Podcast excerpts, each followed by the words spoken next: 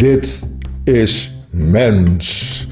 De podcast over de mens en de toekomst. Hoe willen wij worden? Wie willen we worden? Wat willen we worden? We spreken hierover met de mensen die bezig zijn onze toekomst vorm te geven.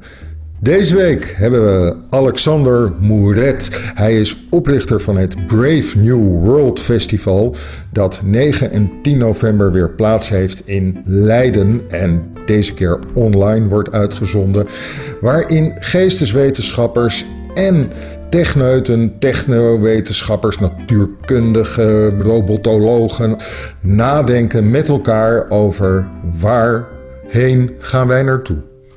En ik ga hem toch aan het eind wel eventjes vragen of hij niet voor de luisteraars van Mens nog een kleine extra toegang weet te vinden tot dit super interessante festival. Alexander Mouret, welkom. Dank, dank, dankjewel.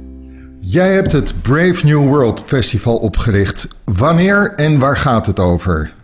De eerste editie was uh, niet zo lang geleden, eigenlijk in 2016. Dus we hebben het nu pas uh, vier keer gedaan.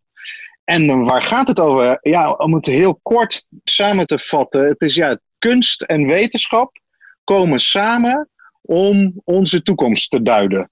En eigenlijk te kijken hoe de technologie onze maatschappij gaat beïnvloeden. Daar komt het op neer. En het is binnenkort, toch? Ja, het is 9 en 10 november, dus het is zeer binnenkort, ja. Straks wil ik alles van je horen over het nieuwe festival, maar eerst wil ik je nog een aantal vragen stellen over de eerdere festivals. Tuurlijk. Met bijvoorbeeld die uh, eerste conferentie, Artificial Intelligence. Ja. Um, dat is 2016. We leven nu in 2020. Vier jaar later, ja. in, in vier jaar tijd is er waanzinnig veel gebeurd al in de wereld van de Artificial Intelligence.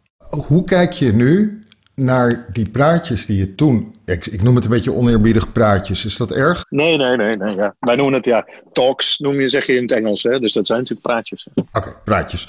Dan eh, terugkijkend op vier jaar geleden. Kun je dan met de kennis van nu zeggen wie er toen hele interessante dingen hebben gezegd. die nu inderdaad heel relevant blijken te zijn? Uh, wat toen al duidelijk was, is dat die hype een beetje nergens op slaat. Dat is toen al gezegd. Dat mensen zeiden van ja, artificial intelligence is allemaal niet zo spannend. Mensen doen er allemaal heel eng over en heel erg een beetje science fiction over. Ja. Maar zo ingrijpend is het nou ook weer niet. Hè? Dat, dat, dat soort singularity, dat je echt daadwerkelijk, echt dat de artificial intelligence daadwerkelijk intelligent gaat zijn. Zover zijn we nog lang niet. En de kans dat dat binnenkort gaat gebeuren is gewoon heel erg klein. Dus wat je nu hebt, is eigenlijk artificial intelligence is geprogrammeerd door mensen. Dus als artificial intelligence biased is, of als artificial intelligence iets uithaalt waar wij niet mee eens zijn, dan komt dat omdat wij het zo hebben geprogrammeerd. En dan gaat het vanuit daar wel zelf leren. De machine learning komt dan wel daaruit. Maar het is niet zo dat het de robots in opstand gaan komen, als het ware. Dat, dat, dat, dat, gaat nog even duren voordat dat gaat gebeuren. Okay. En dat hebben ze toen al heel erg benadrukt. Van, nou, ga nou nu niet. Kijk, als we het hebben over AI will kill us all. Dat komt niet doordat AI in opstand komt. En dat de robots die nu Boston Robotics aan het maken zijn. opeens ons gaan aanvallen. Dat gaan ze zelf niet doen. Dat gaan ze pas doen als we ze programmeren om het zo te doen. En als we in die programma een fout maken en dat we onderscheid tussen, ik zeg maar wat goed en slecht, niet helder genoeg aanbrengen, ja, dan kan zo'n robot fouten gaan maken. Maar dat komt omdat wij als mensen die fouten daarin gezet hebben. Ik maak het even heel makkelijk hoor, maar dat was voor mij, ik, ik had eigenlijk meer verwacht van artificial intelligence dan, dan dit. Ja, ik moet je eerlijk zeggen dat ik daar toen juist, en eigenlijk formuleer jij voor mij nu gelukkig weer precies waarom ik er toch heel erg ongerust over was.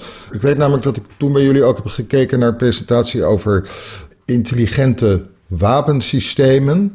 Ja, en ja.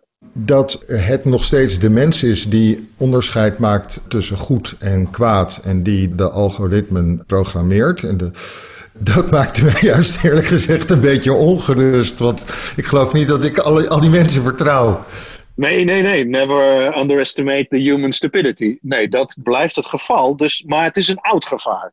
Dat, is, dat is niet iets nieuws. Wij zijn natuurlijk vaak, uh, of niet wij, maar men als het heeft over robots en kunstmatige intelligentie, ja, dan zien we meteen een soort van film met Will Smith uh, voor ons, waarbij robots de wereld gaan overnemen, of Terminators of dat soort dingen. En daar zijn we nog niet. Nog steeds is een, een gekke meneer in het Witte Huis met toegang tot een knop waarmee je nucleaire wapens uh, afschiet, is nog steeds gevaarlijker dan uh, kunstmatige intelligentie. Ja, ik begrijp je. Ik begrijp je. Het uh, thema van vorig jaar, wat was dat? We begonnen eerst met vier thema's in 2016. En steeds maken we daar twee van. Dus eigenlijk hebben we twee dagen. En elke dag is een ander thema. Vorig jaar hadden we twee. Eén heette The Future of Consciousness. Hè? Dus eigenlijk wat is de toekomst van ons bewustzijn. En uh, de andere dag hadden we het The Future of All Species. En daar gingen we eigenlijk een beetje kijken naar relatie mens tot andere species. En dan hebben we het voornamelijk over dieren. Maar ook planten en zelfs bacteriën. Dus uh, daar, daar, daar ging het vorig jaar over. En wat waren daar de meest prikkelende ideeën die er uh, naar voren kwamen in de talks? Ja, dat zijn toch niet allemaal dezelfde soort praatjes. Dus eigenlijk hebben we, nou ja, zo, probeer je het ook uh, samen te stellen, dat elke bijdrage wel iets prikkelends en interessants mee kan nemen. Maar wat ik interessant vond zelf, is als je gaat kijken naar de toekomst van bewustzijn. Hè, je ziet het nu een beetje in de media met Elon Musk, die de Neuralink probeert ja, eigenlijk te commercialiseren. Dat wil zeggen dat ja. je een chip krijgt in je hoofd, wat nou ja, allemaal dingen kan. Daar hebben we eigenlijk naar gekeken. We hebben eigenlijk gekeken van ja, in hoeverre kunnen wij de bewustzijn van mensen overzetten. Het klinkt heel erg science fiction. In ieder geval, dat dacht ik. Is dat je zegt van nou, ik ga gewoon mijn bewustzijn, kan ik, ik zeg maar wat, op een harddisk zetten. En dan, als ik dood ben, dan kunnen nog steeds mensen met mij chatten. Maar dan zit ik in een computer. En toen hebben we een aantal mensen gevraagd ja, wat ze daarvan vonden. En, en, en ja, interessant was dat ja, een beetje dubbel. Dus aan de ene kant krijg je mensen vanuit de kunst en vanuit de meer social sciences die zeggen: ja, dit wil je eigenlijk helemaal niet. Hè? Dit moeten we eigenlijk helemaal niet willen. Want nou ja, dat, het maakt jou tot een persoonlijkheid, is het feit ook dat het eindig is en dat het op een gegeven moment klaar is. Dus dat is de ene kant. En aan de andere kant kregen we inderdaad mensen die gewoon ja, eigenlijk heel sec naar de wetenschap daarachter kijken. En uh, ik was voornamelijk onder de indruk van Randall uh, Koenen. Dat is van oorsprong een Nederlandse meneer die al heel jong naar Amerika is vertrokken. En daar onder andere ook met Elon Musk heeft gewerkt. En uh, nu nog steeds meerdere projecten doet. Waarbij ze, wat ze dus proberen is eigenlijk... Sorry, ik onderbreek je, ik onderbreek ja. je een moment. Randall ja. Koenen, die hebben wij vervolgens, omdat jullie hem op het uh, festival Oh, die hebben hadden, uh, geïnterviewd. Hebben wij geïnterviewd. Dus mensen ja. kunnen dat interview kunnen ze terugzoeken op de podcast-app. Sorry, ga Kijk. verder. Nee, maar dan, dan moet ze vooral dat doen. En dan kan hij zelf veel beter vertellen wat hij doet. Maar het feit is dat hij eigenlijk het concept al doorheeft hoe je de hersenen kan overzetten. En hij noemt het niet het soort kopiëren, maar Engelse term is brain emulation. Hè, dus dat je eigenlijk het hele brein overzet. Ja, daar zijn ze nu mee bezig. En ze hebben het eigenlijk met, met de, echt een soort van de hele kleine organismes. Kunnen ze het al doen, heeft hij lopen vertellen. En dat maakte wel indruk. Het is niet meer science fiction. Wij zouden die kant op kunnen gaan. Ik weet niet hoe snel, maar het zou kunnen. En dat, dat vond ik wel uh, fascinerend inderdaad. Ik heb hem op allerlei manieren proberen tegen te spreken, uh, maar ik was niet overtuigd van mijzelf, helaas. ja, nee, dat kan. Ja, dat kan. Ik, ik, herinner mij dat er ook een robot was, de spraakrobot, geloof ik. Ik geloof dat die Burna heette, kan dat? Bina, Bina 48. Ja. Bina ja, 48. Nou, dat, ja. die, daar werden vragen aan gesteld en dan gaf Bina 48 gaf geprogrammeerde antwoorden. Hè? Een, ja. een taalbot zat daarin. En ik moet je zeggen dat ik dat heel soft vond. Ik, vond daar, ik was er helemaal niet van onder de indruk. Nee. Wij hebben Bina 48 uh, eigenlijk gevraagd, niet omdat het nou de meest nieuwe software was. En daar, daar heb jij helemaal gelijk in, dat de antwoorden die ze gaf, ja, waren eigenlijk helemaal niet zo scherp. Ik denk dat Siri op je iPhone al beter antwoorden kan geven dan Bina. Wat interessant was aan Bina is dat zij gebaseerd is op een echt persoon. Uh, Bina is in het echt Bina Rotblad. En dat is de vrouw van Martine Rotblad, een miljonair in uh, Amerika. En die wilde dus eigenlijk een kopie maken van haar eigen vrouw. En die heeft dus haar eigen vrouw 3000 uur materiaal verzameld met vragen en antwoorden en allemaal gesprekken. Dat is gestopt in die robot. En het idee is dat zij nu eigenlijk een, een kopie aan het ontwikkelen is van een eigen vrouw. En wij vonden eigenlijk die vraag veel interessanter. Is van, willen we dat? Willen we als maatschappij, ook als de software straks beter is en daadwerkelijk dit allemaal nog, nog beter kan doen, willen wij inderdaad kopieën gaan maken van onze geliefde? En dat als het ware in een kast bewaren voor, ik zeg maar, voor het geval als iemand overlijdt of om andere redenen. Dus dat is een beetje wat filosofische vraag, maar dat, daarom hebben wij Bina gevraagd. En wat natuurlijk ook interessant is, is dat Bina 48, ja, die, die leidt nu een heel ander leven dan de echte Bina. Want die leeft gewoon nog, maar die leven parallel. Dus is de ontwikkeling eigenlijk vergelijkbaar? Want Bina 48, ja, die is nu allemaal conferenties aan het rondreizen en allemaal vragen van ons aan beantwoorden in Leiden. Terwijl de echte Bina dat allemaal niet meemaakt. Dus ben je nou een kopie aan het creëren of ben je eigenlijk een nieuwe versie aan het creëren? En dat vond ik wel interessante vragen rondom Bina in ieder geval. Dan komt toch de vraag, want er is ook een, iemand die heeft een, een bot gemaakt met allemaal WhatsApp-berichten van een geliefde, geliefde stierf. En nu kan degene toch nog WhatsAppen met de geliefde. Je hebt ook de man van de, de Age of Singularity. Ik ben even vergeten wat zijn naam is. Ray Kurzweil. Ray Kurzweil, precies. Die heeft nog alle informatie en dagboeken van zijn vader en zou het liefst zijn vader willen recreëren. Ja. Wat vind jij? Zou jij een geliefde willen, willen her, in, als een robot terug willen? Nou, ik, ik denk dat ik daar uh, iets te veel uh, nou ja, rust op geesteswetenschappen dan op robotica. En volgens mij is dat gewoon geen goed idee. Ik weet niet, ik, ik kan het niet beantwoorden. Ik ben zelf geen, geen wetenschapper, zoals je weet. Uh, maar dat, dat is een tegenstelling wat we ook vaak bij, bij Brave New World neerzetten. Wat een goed voorbeeld, en dat is veel, nog veel makkelijker, is uh, onsterfelijkheid. Daar hebben we twee jaar geleden over gehad. Wat is nou de toekomst van onsterfelijkheid? En willen we dat? En, en wat gebeurt er eigenlijk met mensen als ze op een gegeven moment onsterfelijk zijn? En je kan natuurlijk onsterfelijk zijn door nou ja, zoals bijvoorbeeld met Bina, hè, dat je in een software zit als het ware. Maar je kan ook gewoon langer leven. Hè. Je ziet nu al dat wij steeds ouder worden. En we hadden een professor op het podium die zei van, nou ja, de, de eerste persoon die 200 gaat worden, die is al geboren. 200? 200, ja. De eerste persoon die 200 gaat worden, die is al geboren. Jeetje. Dus dat is natuurlijk interessant. En op een gegeven moment, maar deze mensen, ook bij Brave die gingen nog verder. Ze van nee, nee, nee, we willen echt onsterfelijk worden. Dus hè, we hebben het ook bijvoorbeeld gehad over cryogenics. Mensen die zich laten invriezen of hun geliefde laten invriezen. En daarmee wachten. Dus tot de technologie zo ver is dat je ze weer als kan ontdooien. En dat ze dan het weer doen, als het ware. We zijn eigenlijk op heel veel verschillende manieren aan het kijken hoe we die paar jaar die we hier hebben op aarde kunnen verlengen. En dat kan inderdaad via een uh, algoritme en in een harddisk, of uh, bevriezen, of gewoon heel lang blijven leven.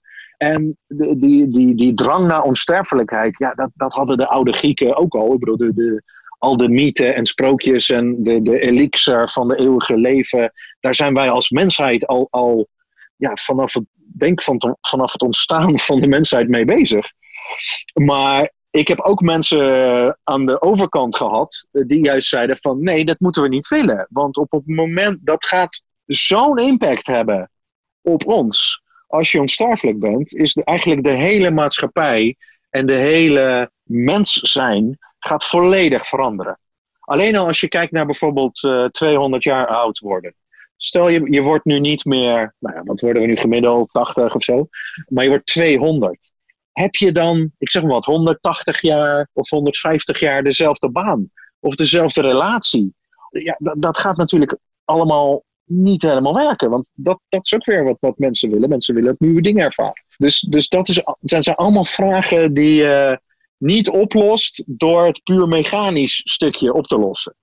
En dat is natuurlijk veel interessanter. Het leuke ervan is ook als je naar de mensen gaat kijken die er echt mee bezig zijn, je allerlei diverse types tegenkomt. Dus ik herinner me ook beelden van mensen die ingevroren werden en dan ergens in een hutje richting de Noordpool in ingevroren lagen, maar dan ging de boel lekken en was er geen geld om de boel nog bevroren te houden. Ja, ja, ja, dat, erg grappig om, te, om het futuristische in de praktijk uh, te zien. Ja, Merk je nu iets van de geesteswetenschappers versus de exacte wetenschappers? Het is leuk om je voor te stellen dat de ene echt nadenkt en de ander alleen maar zit uit te vinden.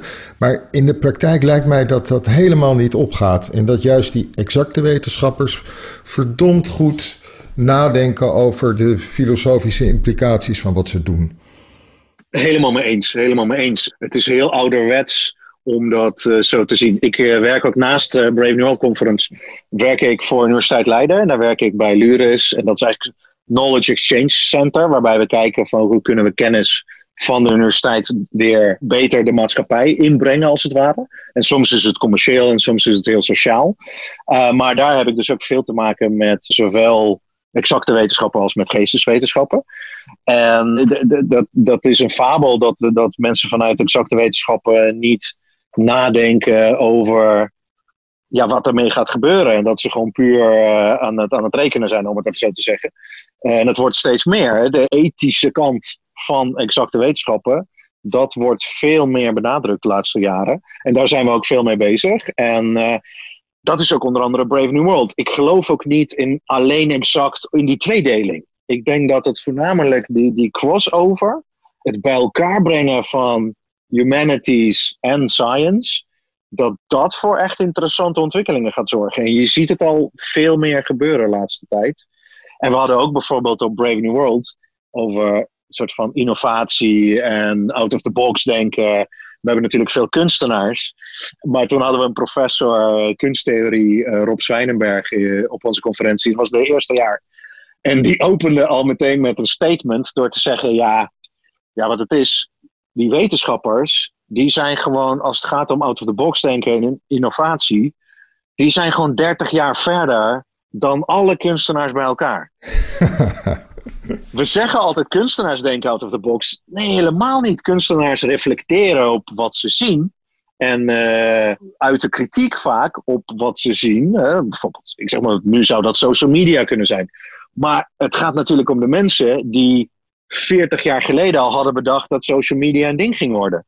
Dus hij roept heel erg de kunstenaars. En dat zijn voornamelijk ook veel kunstenaars die wij proberen uit te nodigen naar Brave New World. Dat zijn kunstenaars die bezig zijn met wetenschap. Hè? Dat, dat, we noemen het art science. Dus dat zijn vaak kunstenaars die samen met wetenschappers uh, werken. Of kunstenaars die zelf gewoon een PhD in uh, biologie hebben. Of uh, sterrenkunde of iets anders. En dat, alleen dat niet de klassieke onderzoekkant zijn opgegaan, maar meer de, de kunstpraktijk in zijn gegaan. En dat zorgt voor heel erg interessante verhalen en ja, ook beelden. Je ziet wel vaak dat exacte wetenschappers dat die ethiek erbij gaan doen, of dat die zich meer voor filosofie ook gaan interesseren, vaak ook als ze wat ouder worden. Ik heb aan de andere kant bij die geesteswetenschappers die eerst op een andere manier zijn begonnen, op het moment dat zij zich ook willen gaan specialiseren in wat er echt gebeurt in de techniek en bijvoorbeeld in de, in de natuurkunde, dat ze er helemaal niet meer bij kunnen. Er zijn, er zijn echt een paar filosofen die ook natuurkunde gestudeerd hebben. En echt een filosofie van de natuurkunde proberen te ontwikkelen. Maar dat zijn er niet veel. Nee, dat, dat zou kunnen. Ja, dat zou kunnen. Ja.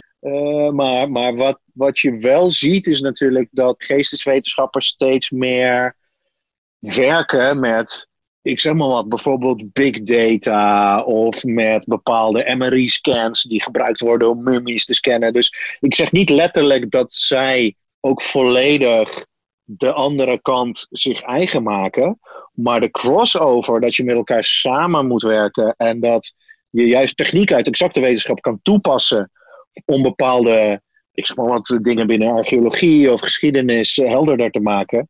Ja, dat, dat zie je steeds meer. En inderdaad, precies ook wat jij zegt, je ziet ook veel meer dat binnen exacte wetenschappen en ook op technische universiteiten de vakken rondom ethiek en filosofie ook steeds belangrijker worden. Ja. Heb je al eens gezien dat de exacte wetenschappers wat aan die geesteswetenschappers hadden? Ik heb al het gevoel dat ze inderdaad, wat jij zegt, er wat achteraan komen hobbelen. Om de nieuwe technieken ook te gebruiken of om achteraf te zeggen dat iets uh, ook een slechte invloed kan hebben. Maar heb je ook wel eens het gevoel dat die exacte wetenschappers geïnspireerd raken door de geesteswetenschappen? Ik, ik, ik vind dat ze uitgedaagd worden.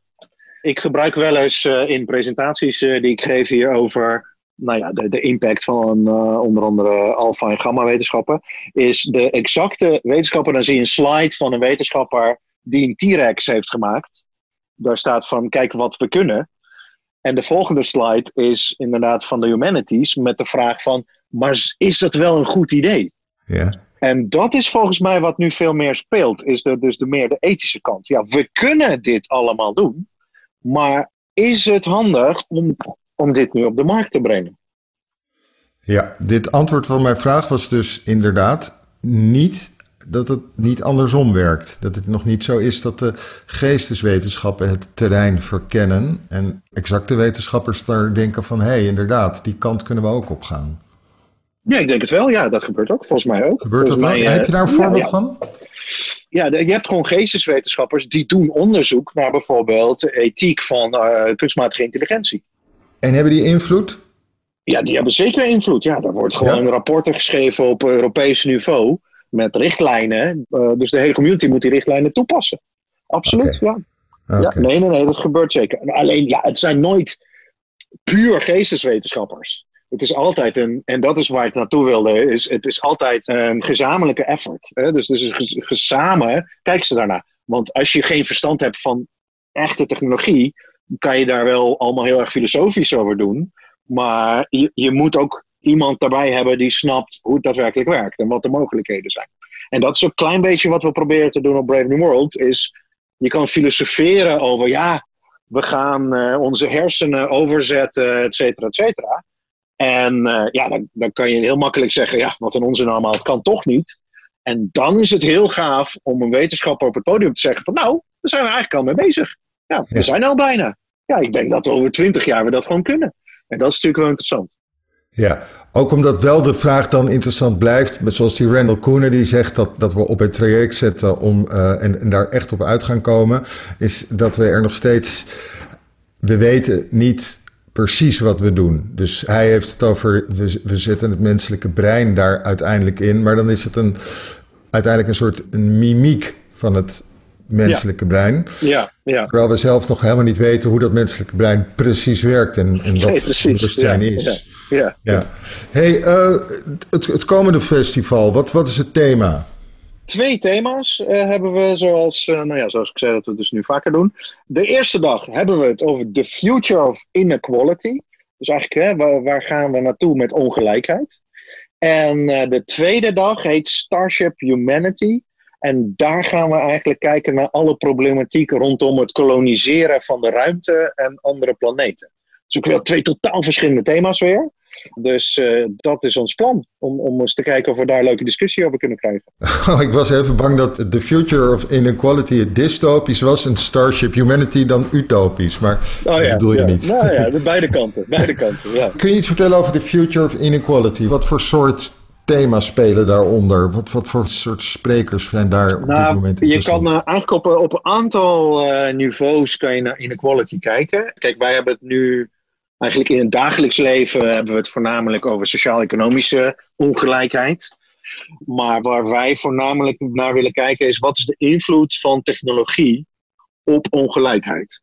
Dus worden we gelijker of ongelijker als wij steeds meer een technologische samenleving gaan worden. Of eigenlijk al zijn. En daar kan je op verschillende manieren naar kijken. Dus bijvoorbeeld één ding, nou ja, waar ik heel erg interessant vind, waardoor dat ook steeds weer ook terugkomt op Brave New World, is human enhancement. Is dat we onszelf beter gaan maken. Dus dat je, ik zeg maar, chips gaat implanteren, een exoskeleton gaat gebruiken, et cetera, et cetera. Waardoor je sneller bent, beter dingen kan onthouden, uh, et cetera, et cetera. En de vraag is dan, wie heeft toegang tot deze nieuwe technologie? wat je natuurlijk ziet met vaak nieuwe technologie is dat het voornamelijk, ja, het is de, de bovenlaag, de rijken van de samenleving, uh, die hebben toegang ook vanwege het feit dat ze het kunnen betalen, toegang tot dit soort, ik, laten we het gadgets noemen. Het begint altijd een beetje met gadgets.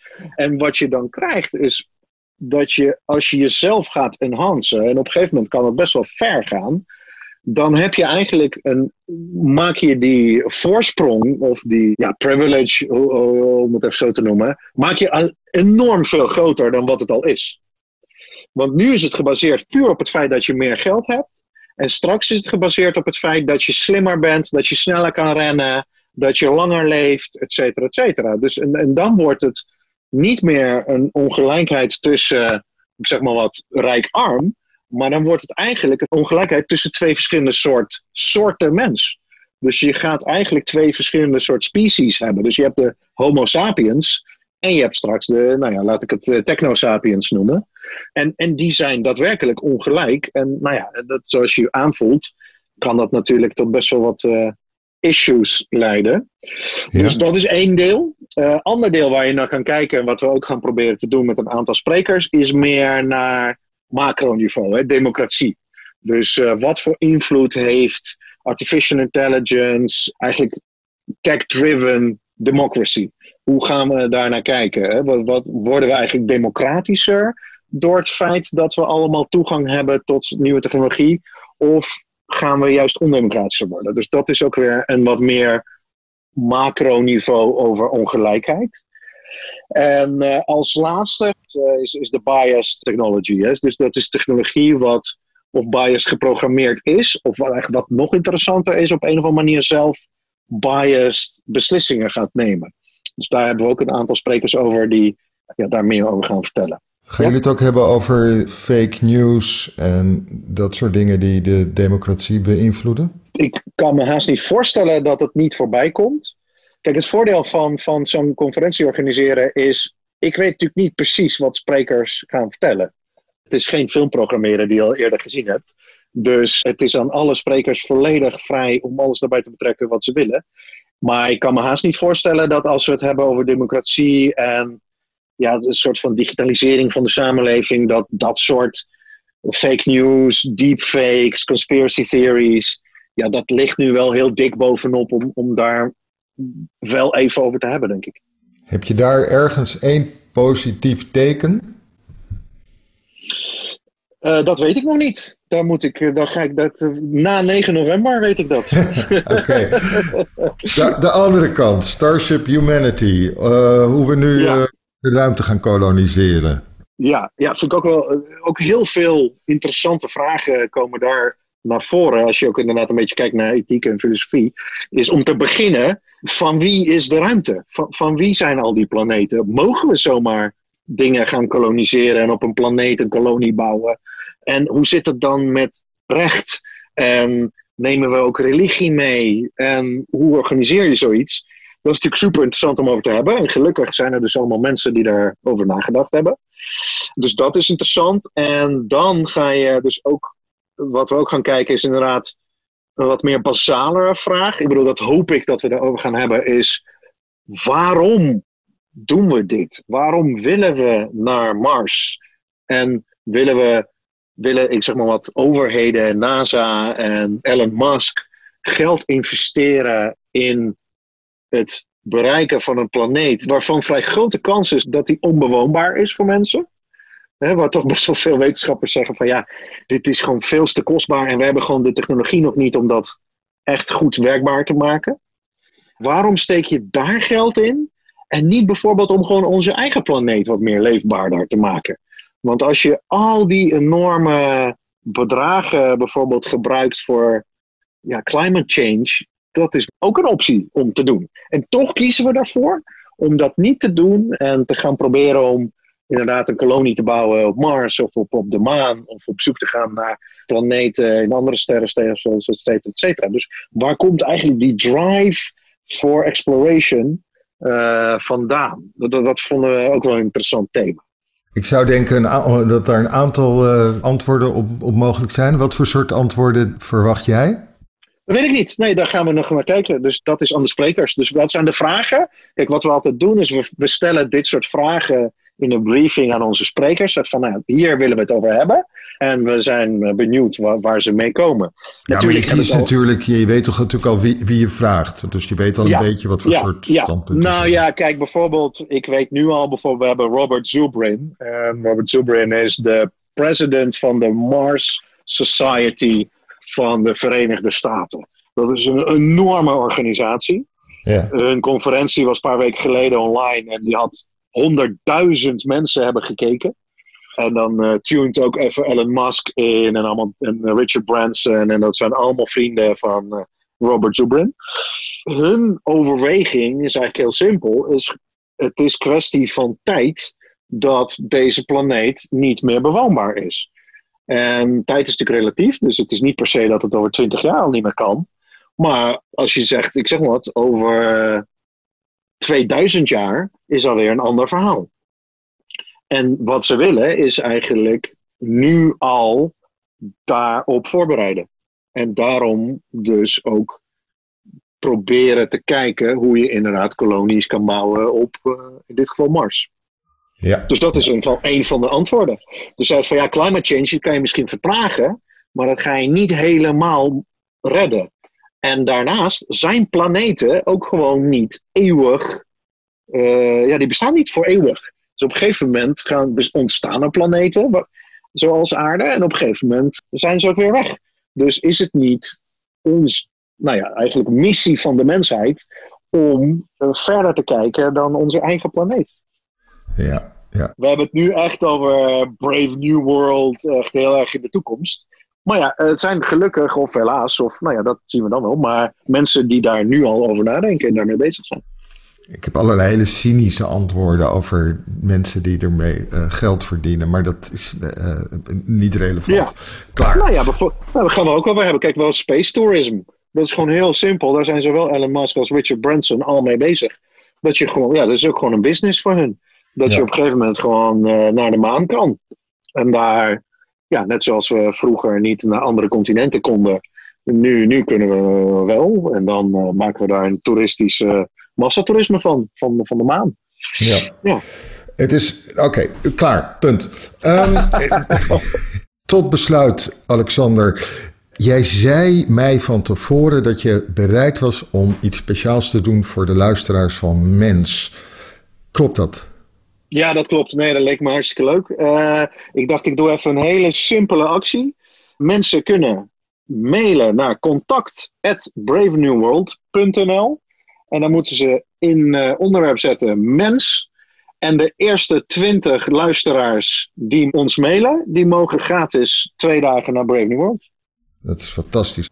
En ze kunnen gewoon thuis de computer openen en het festival volgen. Absoluut, ja. Alexander Moedet, heel erg bedankt. Ook dat je tijd vrijmaakte nu vlak voor het festival. Dat is trouwens op welke dagen? Het is 9 en 10 november. 9 en 10 november. Heel erg bedankt en ik wens je heel veel succes met het festival. Dankjewel, dankjewel. En ik hoop dat je het uh, weer leuk gaat vinden.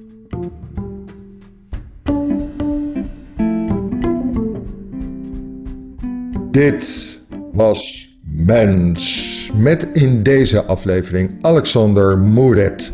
Mens wordt gemaakt door mij, door Sander Blij en Hans Poel voor Vrij Nederland. Je kunt je abonneren op deze podcast in je favoriete podcast-app. En dan verschijnt daar als vanzelf elke twee weken een nieuwe aflevering. Ook help je ons door een beoordeling of een review op mensen te geven in je favoriete podcast-app. Dan weten meer mensen dat de gesprekken van mens plaatsvinden. Voor onze trouwe luisteraars heeft Vrij Nederland ook nog een aanbieding. Een half jaar Vrij Nederland online voor maar 15 euro. Voor die aanbieding kun je kijken op vn.nl/slash podcast. vn.nl/slash podcast. Bedankt voor het luisteren en tot de volgende mens.